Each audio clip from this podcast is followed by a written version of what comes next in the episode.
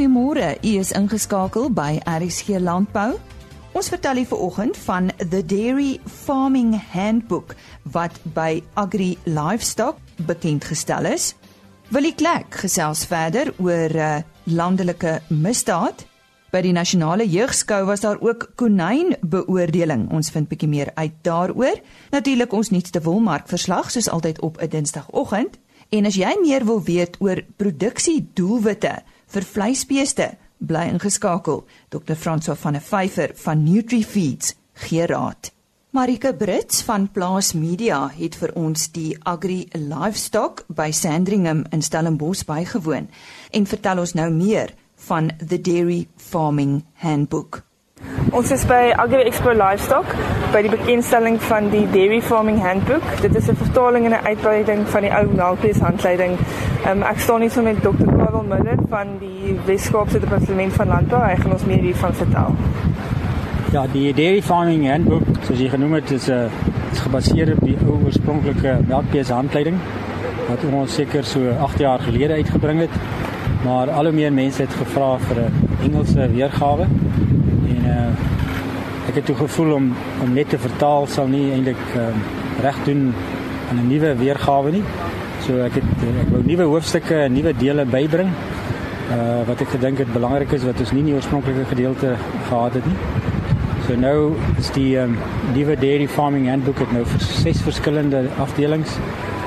Uh wat die vorige handleiding maar net 3 gehad het. Uh ons het onder andere gedeelte wat gaan oor oor biosecurity en health en dan ook oor dairy housing. Ons 'n bietjie meer kyk na die omgewingsbehoeftes van van melkkoeie, uh die klimaatseffekte op die produksie van koeie, uh skadeweervoorsiening aan koeie. Ehm um, en dan het ons natuurlik die die gedeeltes wat gaan oor teeling en en hoofsaaklik ehm um, teeling en reproduksiebestuur is ook uitgebrei met nuwe hoofstukke wat gaan oor oor ehm um, hoofstukke wat gaan byvoorbeeld oor die effek van omgewingseffekte soos metaangasproduksie om dit te verminder die verbetering van reproduksiebestuur ons het nou 'n hoofstuk wat gaan oor reproduksie-norme wat boere kan gebruik om om hulle reproduksiebestuur te te monitor om te vergelyk met met 'n groep boere wat top en swak is. Ehm um, En wie wil julle met die boek bereik? Wel, ons ons wil probeer om ehm um, die aard van die saak bestaande boere en dan ook nuwe boere. Uh dis altyd 'n probleem om so 'n boek saam te stel omdat daar uh jy het boere wat 20 en 30 jaar boer en as hulle deur dit blaai sal hulle alles herken wat hulle reeds uh, deur ondervinding opgedoen het en self opgelees het. En dan is daar natuurlik nuwe dele wat hulle dalk nie so bekend is nie. En ek dink spesifiek oor die gedeelte oor die oor die ehm um, die omgewingseffekte van van melkbeesboerdery. Daar's 'n hele groepie boere wat beweer dit is nie belangrik nie, terwyl as jy gaan kyk na die internasionale navorsing, is dit een van die onderwerpe wat baie baie sterk navorsing gedoen word. Marika Brits wat daar met Dr Karel Miller van die departement landbou in die Wes-Kaap gesels het oor die Dairy Farming Handbook wat tydens Agri Livestock bekend gestel is. Ons het gisteroggend op RSC Landbou deel 1 van die gesprek met Willie Klek uitgesaai. Hy is voorsitter van die Nasionale Veediefstal Forum en ook een van die sprekers by die eerste internasionale landelike misdaad konferensie wat in Suid-Afrika gehou is. Hy het gisteroggend gepraat oor die verskille tussen die landelike misdaadgevalle in Suid-Afrika en die res van die wêreld. Vanoggend gaan hy voort en hy praat oor statistiese mites rondom landelike misdaad. Hy gee ook goeie raad aan die einde van die onderhoud. Dit gaan bloot daaroor as ek gesê die rasio. Met ander woorde die rasio per 100 000 is minder as die rasio van ons nasionale bevolking. Uh wat basies gebeur het in die verlede is dat toe hulle die berekenings gedoen het, met ander woorde om te gaan bereken wat is die rasio per 100 000 van jou moorde in landelike gebiede. Ja, ons kan geen moord weg wegvat nie. Elke moord wat aangeteken is en ek gebruik tel is tel is 'n statistiek wat ek glo basies die beste statistiek is op die stadium oor die moorde wat van sê hoeveel moorde word gepleeg. Nie een van daai moorde kan ek en jy wegwens nie. Daai moord is gepleeg, maar dit gaan basies oor die per 100 000 berekening. Dis daar waar die hele ding inkom. As jy môre gaan luister wat ek nou net vir jou gesê het rondom die definisies, dan sê ek vir jou mense wat op plase woon of tuinhouers woon. Nou, dis dis waar al ons dilemma's inkom. Voorheen het hulle gegaan en het gesê ons het sê maar byvoorbeeld 100 moorde en ons het 39699 landboueenhede. Jy kan nie dit so doen nie. Jy moet as jy sê jy het soveel mense wat vermoor is, dan moet jy aan die ander kant ook mense tel. Jy kan nie gaan landboueenhede tel nie. Dis waar die fout ingekom het. Waar waar jy basies as jy landboueenhede vat, die 39000 dan en jy deel dit dan sal jy uitkom by 'n getal byvoorbeeld van 125 per 100 000. Maar jy het nie die mense getel nie. Die definisie sê vir jou uitdruklik mense en die mense wat vermoor is is is mense. Dis nie boerdery eenhede wat vermoor word nie. So ons moet nou basies dan gaan kyk na hoeveel mense daar op ons plase is. En ons weet nie presies hoeveel daar is nie. Maar almal gebruik die 39699 van die landbousensus in 2007 wat vir jou sê dit is die boerdery eenhede wat vir BTW geregistreer is. Toe Johan Kirsten hulle van Tuks gegaan in 2016 en hulle die 2007 statistieke bietjie gaan op datum kry en gaan regmaak. En toe kom hulle agter dat daai 39000 is net die wat vir BTW geregistreer is.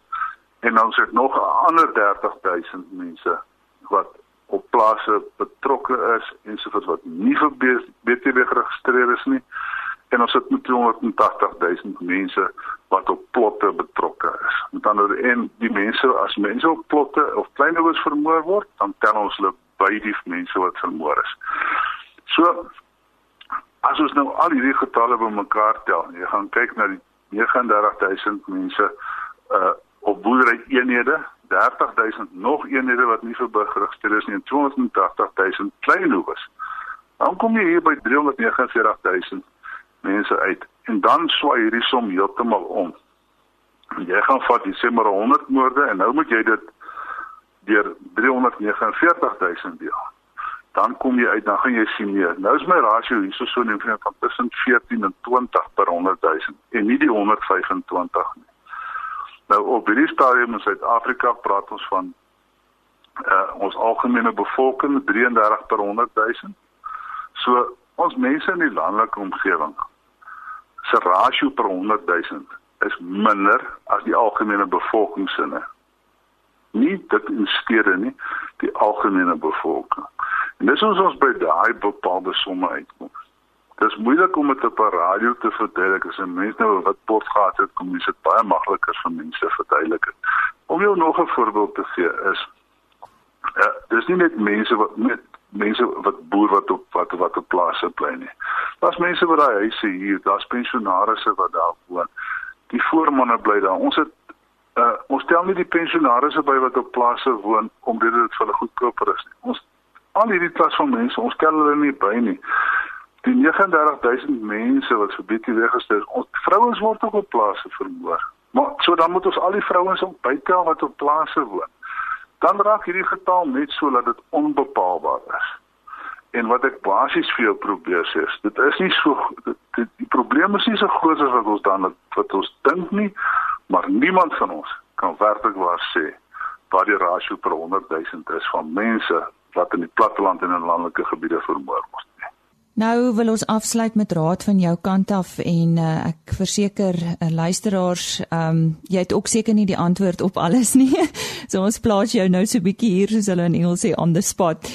Is produsente se hande afgekap of kan hulle iets omtrent landelike misdaad doen, Willie? Dit wat dit is dit is per toeval dat dat dit nou gebeur het vanoggend. Uh, ek het op twee baie baie interessante video's afgekom uh, wat vir my gestuur is die een is is opgestel gisteraand deel was deur 'n persoon met die naam van Idian Abulink. Hy is iewers in die Vrystaat en sy onderneming se naam is uh, Kala of so iets as ek dit reg uitspreek. Uh as jy mense daai man gaan luister uit 25 minute wat hy met mense praat dis 'n dis 'n video en ek dink daai ou slaan die spyker presies op die kop. Uh van wat ons moet doen.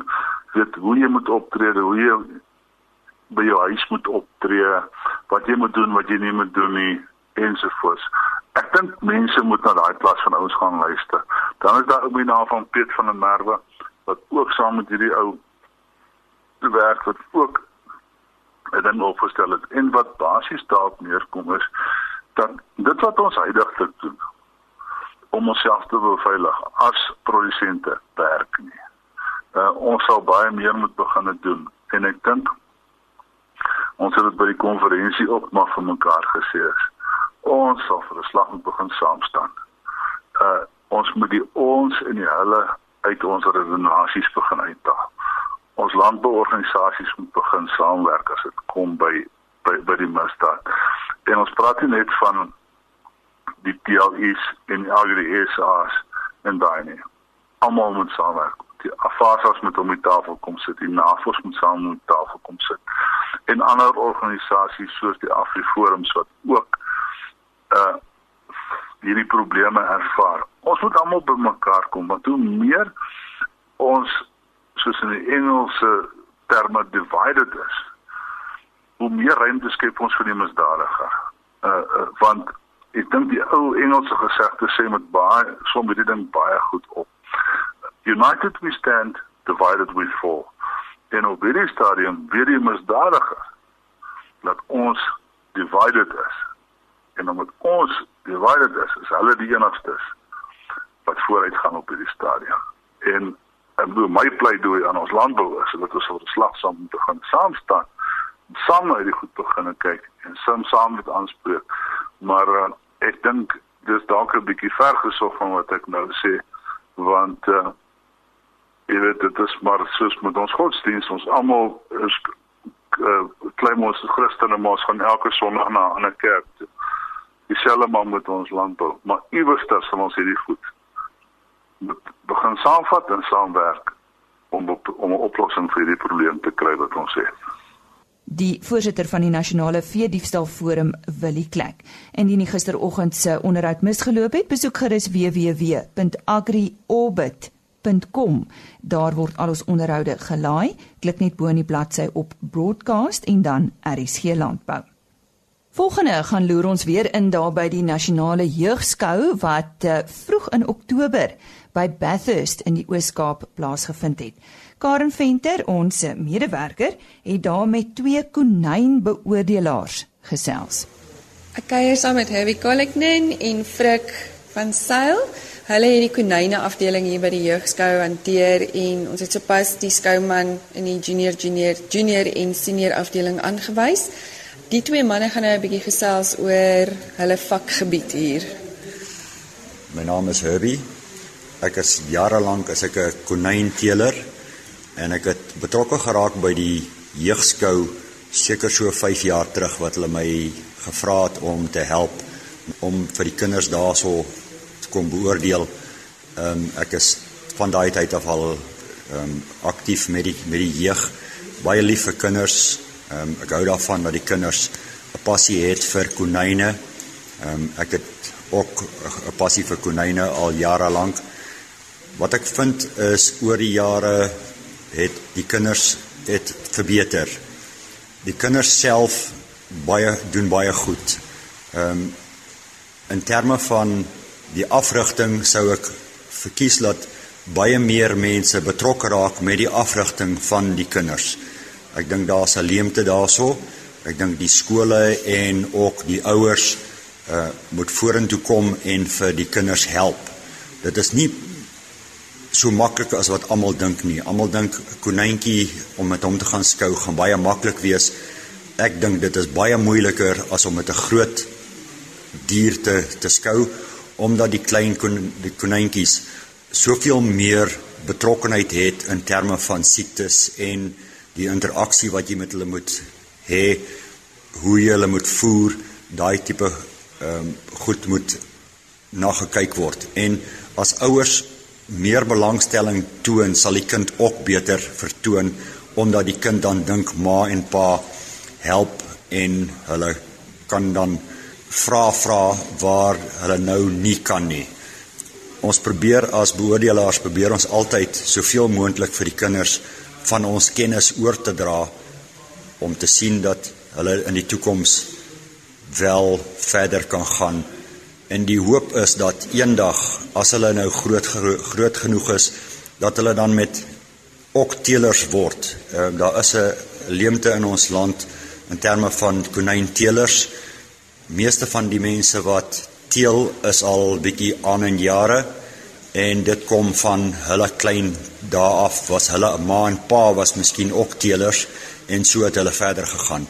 Ons vind oor die laaste paar jaar met die konynteelery dat daar weer ouers is wat kinders het wat in die omgewing van so 13, 14 jaar oud is wat dan weer terugkom en dan verder teel en ons hoop dat daai kinders uiteindelik eendag deel sal wees van die jeugskou eerstens en ook dan in die toekoms deel wees van die konynteelersvereniging dat die liefhebbery van konyne verder gaan in die land.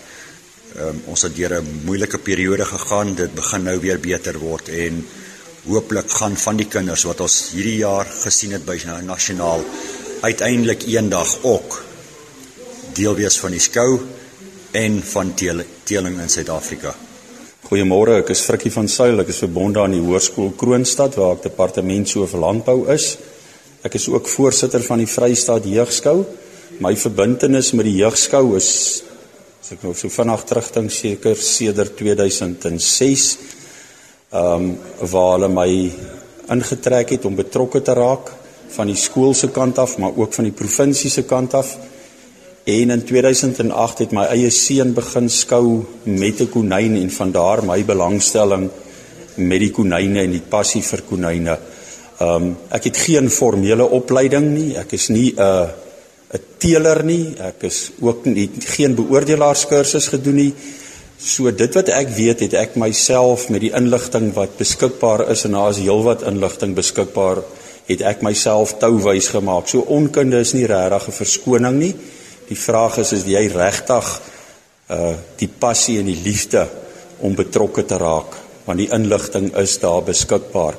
Vanjaar was my eerste jaar wat ek die voorreg en eer gehad het om as beoordelaar op te tree by die nasionale jeugskou saam met Hubby. Dit was vir my 'n besonderse voorreg gewees en ek hoop dat ek weer in die toekoms weer so 'n geleentheid sal hê om te kan beoordeel. Indien daar enige iemand is wat navraag het rondom handleiding, ehm uh, skien wat betref die voorbereiding en die beoordeling van 'n konyn, is julle welkom om my te kontak. Ek is Frikkie van Sail 083 388 53 84 of jy kan my ook op my e-pos nader frikkie@blouskool.co.za. Baie dankie. Okay, dis weer Herbie en net ter afsluiting, ehm um, as enigiemand belangstel om my te kontak, jy kan my kontak by 082 9633 799. My e-posadres is Collifam, ek gaan dit uitspel, is C O L L I F A M @mweb.co.za. Julle kan my enige tyd kan julle vir my 'n e-pos stuur of julle kan my bel en ek is altyd bereid om te help met konyne of enige inligting wat betrek konyne in terme van handleidingsboeke, daai tipe inligting. Dit was 'n plesier om te beoordeel saam met Flikkie en ek dink ons gaan in die toekoms baie lekker saamwerk en die kinders moet dit net altyd geniet. Dit is vir my die belangrikste. Die kinders moet dit geniet. Sê baie dankie aan Karen Venter. Sy het met Frikkie van Sail en Herbie Kulignen gesels. Volgende ons wolmark verslag aangebied deur Jolandi Root. Die wolmark het vandag sterker verhandel en die Cape Wool's Merino aanwyser styg met 1,6% en 279 punte om te sluit teen 'n waarde van R181,99 per kilogram verskoon wol. Op die Australiese mark het die aanwyser 0,3% afgeneem terwyl die Cape Wool's alle wol aanwyser met 1,7% gestyg het. Ten spyte van 'n wisselvallige rand en verhoogde volumes gelewer by makelaars, het die wolmark voortgebeur en 1,6% gestyg. Kopers rapporteer uitstekende vraag vir fyner wol en 'n rekordprys is behaal vir 'n merkwaardige lot lammerwol. Goeie gehalte lang wol geniet steeds goeie vraag, maar vandag het die gesogtheid van medium lengte wol prysstygings laat uitblink. Kompetisie tussen die kopers bly hewig, soos hulle vir markandeel meeding. Standard Wool het die grootste hoeveelheid bale aangekoop met Mediano kort op sy hakke.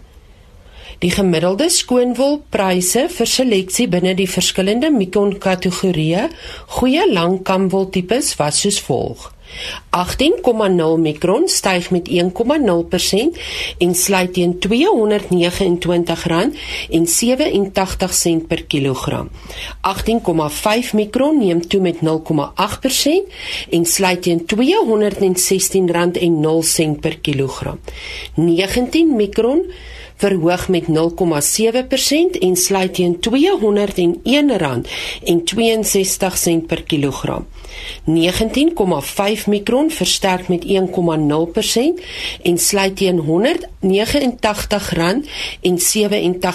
per kilogram.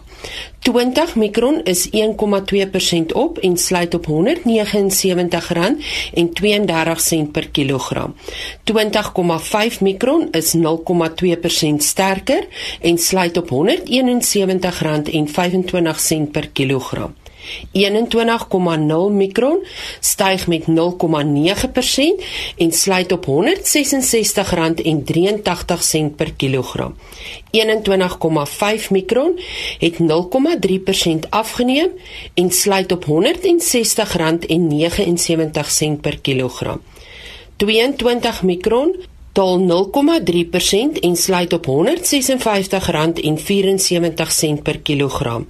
En 22,5 mikron is 0,5% swakker en sluit op R153,50 per kilogram. Die volgende veiling vind plaas op 1 November wanneer sowat 10013 bale aangebied word. Met ons nuutste wolpryse, Jolandi Rood.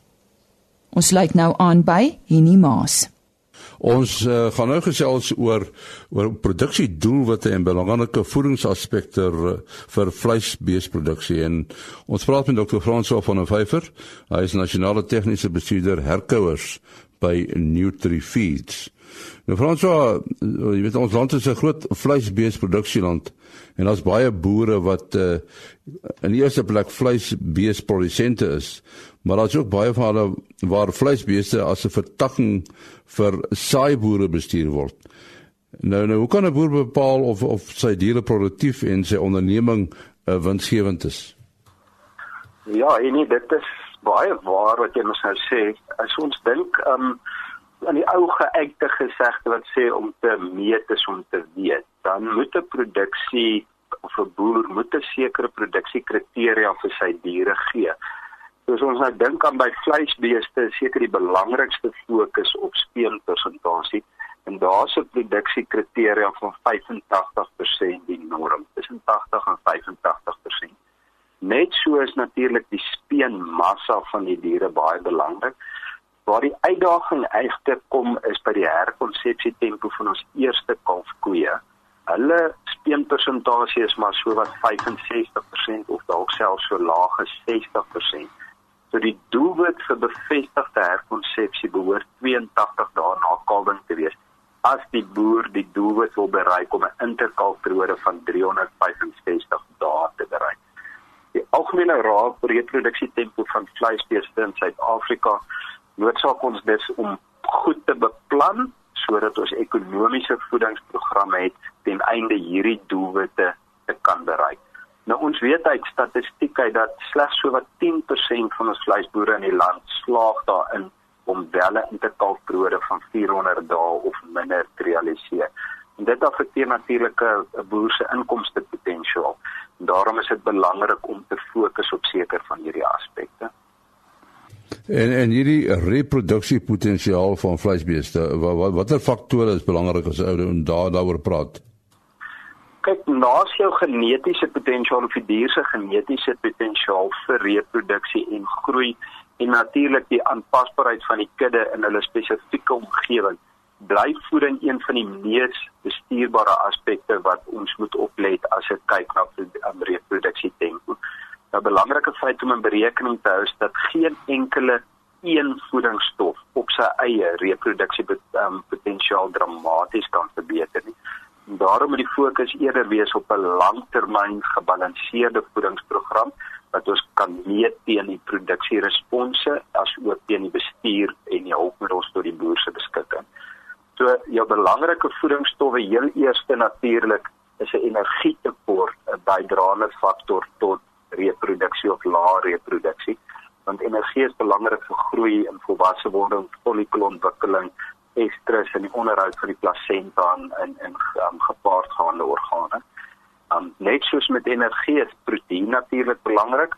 Weer eens die volwasse wording van daai seksuele organe en hormoonproduksie is baie afhanklik van proteïenvoorsiening. Dan by ons verse en eerste kalfkoeie, daai groepie wat ek nou nog gesê het so moeilik is om herbeset te kry, is dit belangrik om hulle eerder as 'n aparte kudde te bestuur van die volwasse koeikudde sodat ons vir hulle beter voeding op hulle eie kan gee. Um naas daai energie en proteïen is minerale, spoorminerale en vitamiene baie belangrik. Maar ek wil nie in elkeen ingaan nie, maar die algemene tekort simptoom vir 'n spoormineraal tekort is gewoonlik na reproduksie. So reproduksiepotensiaal van die diere neem af as daar swak spoormineraalvoorsiening is. Nou as jy mens nou kyk na die mees kritiese periode vir die koei, uh, om maar genetiese potensiaal vir reproduksie te kan haal. Uh, watter watter tyd is dit? Gewoonlik van die kritiese 100 dae periode. Um en dit is daai periode net voordat sy kalf, basies die laaste daar 30 dae van dragtigheid en dan die eerste so 2 en 2 en 'n half maande van laktasie. So dit werk uit op 'n 100 dae periode. Nou tydens hierdie 100 dae is die behoefte van die koei hoër as wat onderhoud is en behoort daar dan vir die koei voldoende voedingsstowwe in 'n goeie aanvullende program gegee te word. So ons kom nou uit die winter uit, um en die koeie begin nou kalf of het reeds gekalf.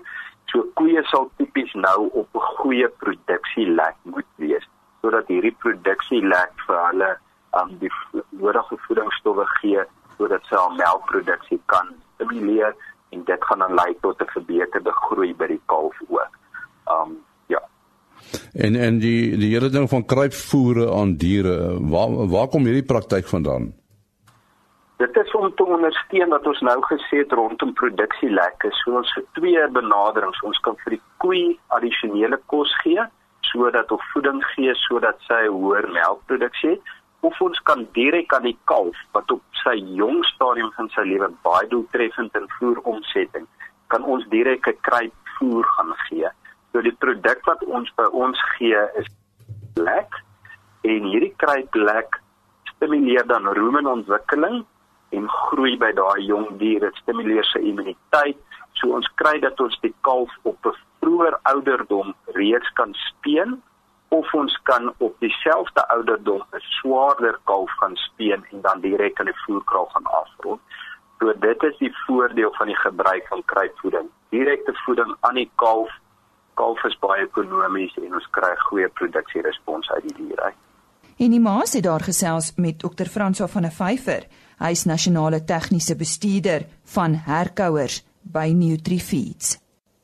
Onthou môreoggend weer by ons aan te sluit. Ons gesels onder andere met een van die finaliste in vanjaar se graanprodusent van die jaar toekenninge en sy naam is Jan Boshoff van Delmas. So, moet dit nie besloop nie. Totsiens. RSG Landbou is 'n produksie van Plaas Media. Produksieregisseur Henny Maas. Aanbieding Lisa Roberts. En inhoudskoördineerder Jolandi Root.